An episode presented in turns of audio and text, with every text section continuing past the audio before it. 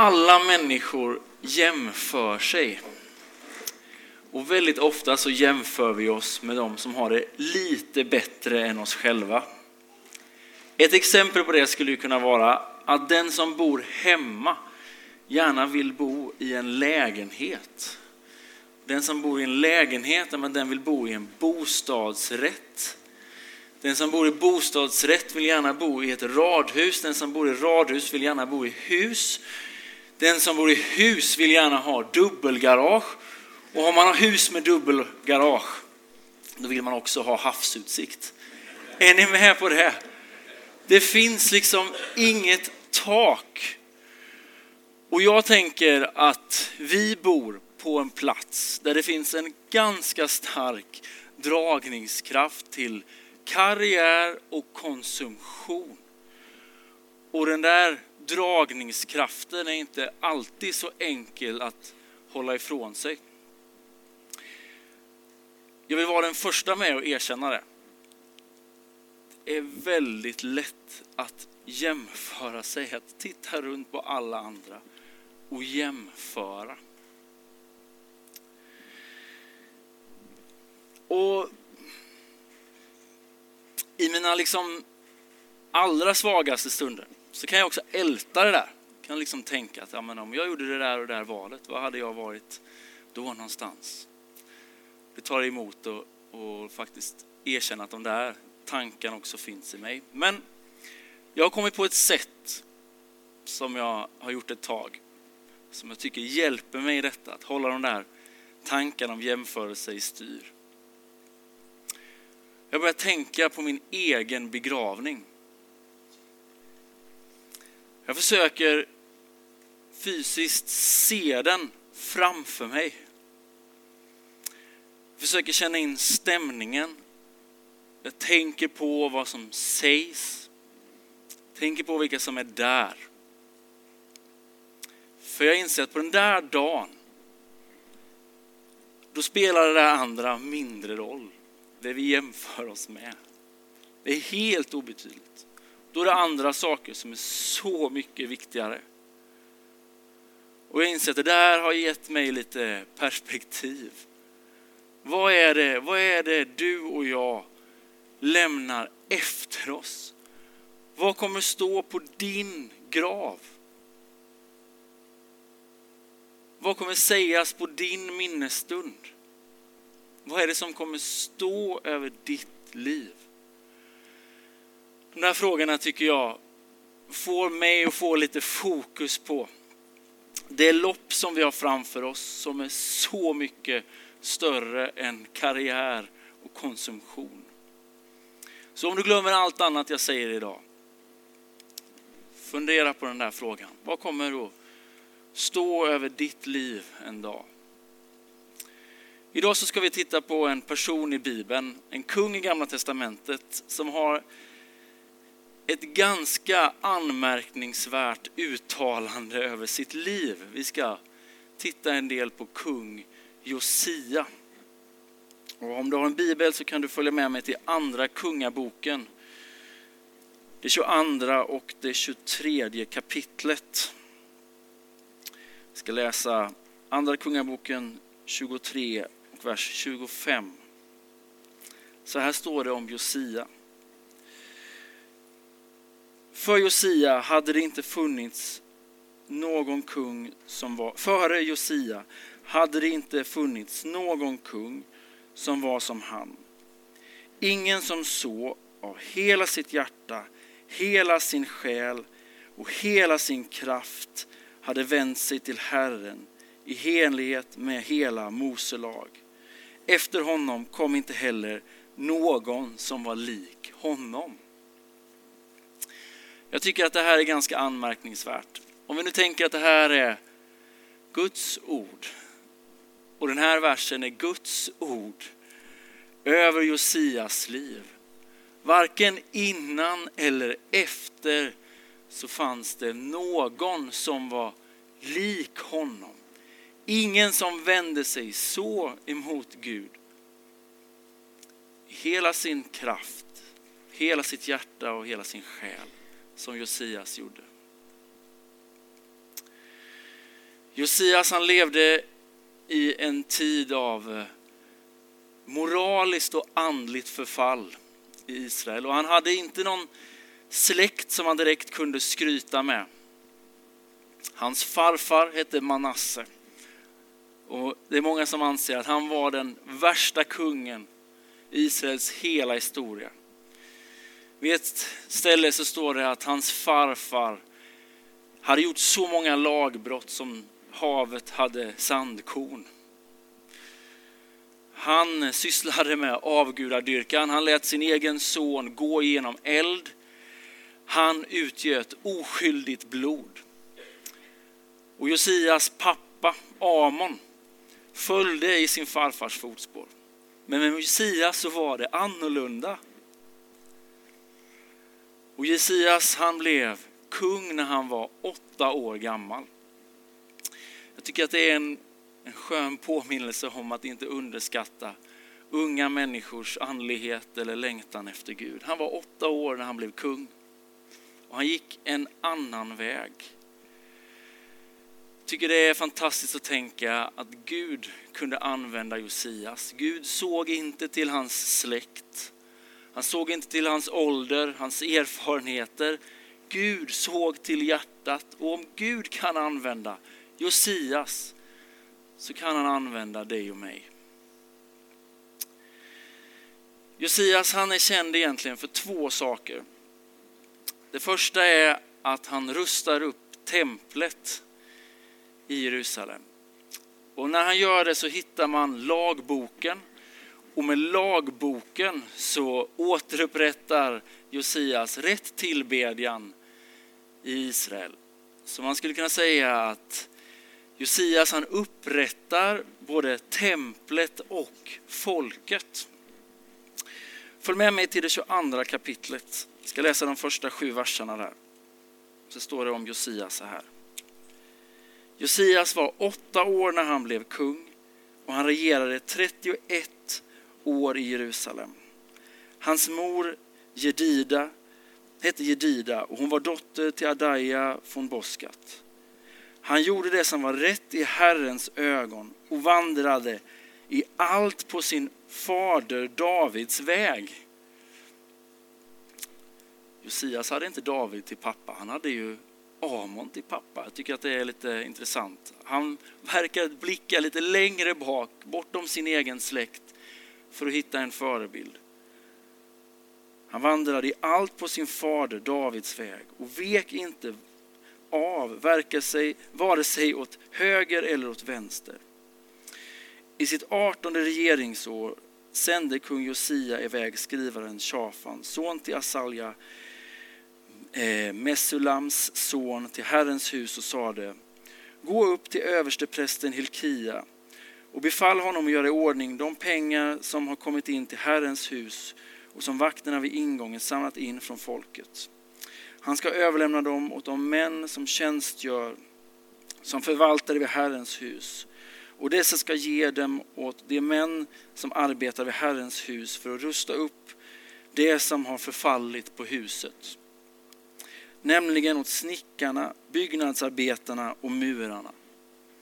Pengarna ska även användas till att köpa in träverk, trävirke och hugga, huggen sten för att rusta upp huset. Men de ska inte behöva redovisa de pengar de fått, utan de ska få handla på heder och tro. I sitt artonde regeringsår så börjar Josias att rusta templet i Jerusalem. Och jag tänker att det kan vara en tröstande tanke för oss i Sollentuna. Vi vet inte riktigt vad han gjorde de där första åren. Men det verkade ta ett tag innan han kom igång. Så vi ska inte tappa modet. Jag vet inte riktigt vilket år vi är inne på, men vi är inte långt efter Josias. Men snart ska det ske om Herren vill. Och vi vet ju inte heller riktigt vad det var som fick Josias att sätta igång det här. Men det fanns ett behov. Och vi vet att Josias hade hjärta för Gud och han hade också hjärta för det här. Och jag tänker att det är samma för oss. Det finns ett behov. Vi ska inte bara bygga en ny kyrka för att vi tycker att det är kul. Det finns ett behov. Taket läcker, fasaden är mossgrön, bänkarna knakar och hälften av toaletterna funkar inte. Det finns ett behov. Det är inte rätt att det är så. Och jag tänker på profeten Hagais ord. Att är det rätt att bo i panelade hus när Guds hus ligger i ruiner? Gör det ju inte riktigt, men nära.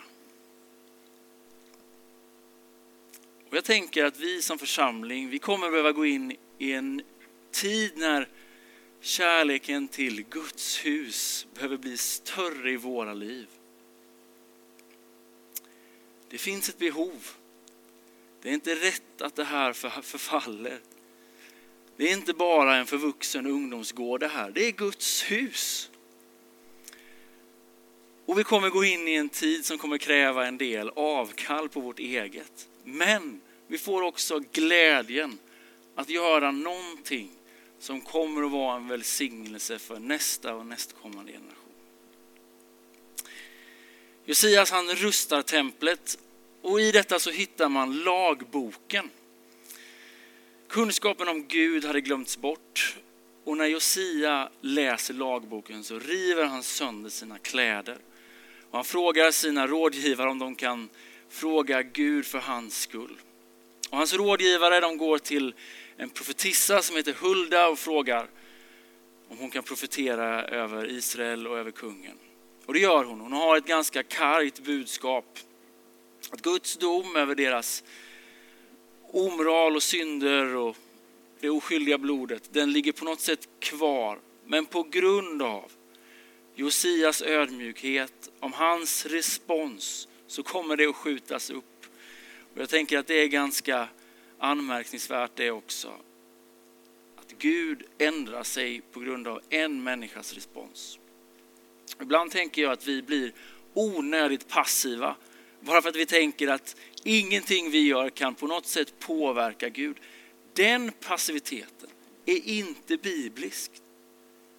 Rättfärdiges bön har stor verkan.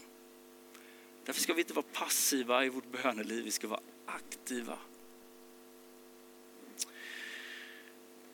Efter att eh, Josias har fått detta budskapet så tar han med lagboken, samlar hela folket framför templet, läser upp hela lagboken personligen, sluter ett förbund med folket. Och sen så går han lös och rensar ut offeraltare, trolldom, avgudadyrkan i hela landet. Det Josias gör, det är egentligen en andlig reformation av hela landet. Och när jag har läst den här texten så har jag tänkt att ja, det är ganska mycket som är annorlunda från idag. Men egentligen så är vårt uppdrag inte mindre. Vi drömmer om en ny kyrka, absolut. Men mer om det, mer än det, så drömmer vi om ett nytt Sollentuna. Vi drömmer om ett Sollentuna som lutar emot Gud. Ett Sollentuna där människor söker sig till kyrkan. Ett Sollentuna där människor får något djupare att leva för.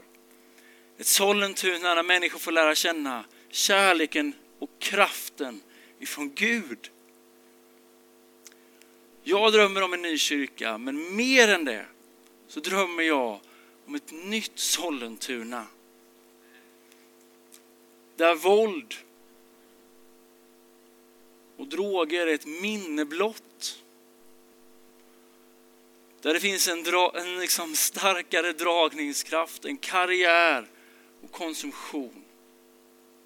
Och där människor får lära känna kraften ifrån Gud.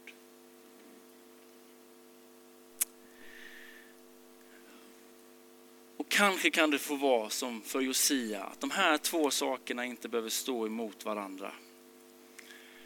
Att det ena inte behöver utesluta det andra. Till och med att det ena kan få vara med och leda till det andra. Och det är i alla fall min bön för den här dagen och för det här projektet och den här tiden framåt. Josias har blivit en inspiration för mig. Jag läser de här texterna ofta. Tänker mycket på Josias. Han blickade bakåt på kung David och hittade det som en inspiration, tänker jag, i sitt liv.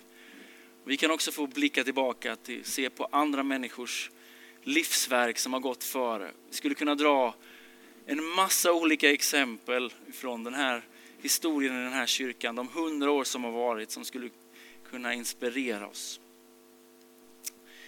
Men jag tror att Josias också kan få bli en inspiration för dig och mig idag. Vad kommer egentligen att stå över våra liv en dag? Kommer att sägas på din och min begravning?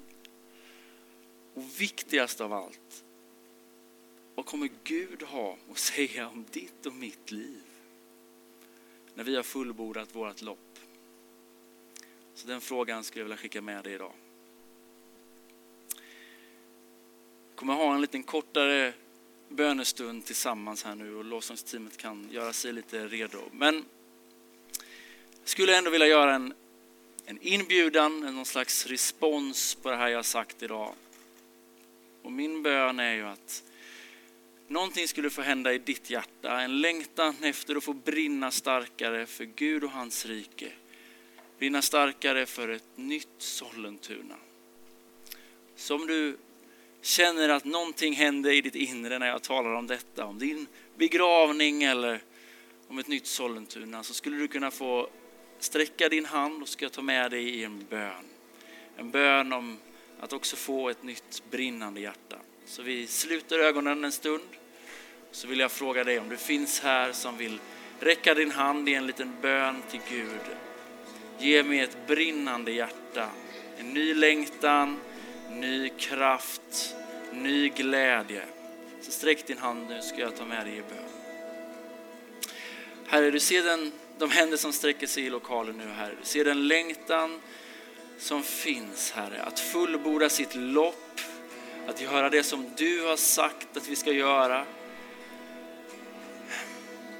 Att fullborda loppet, att en dag få stå inför din tro och avlägga vår räkenskap inför dig, Herre.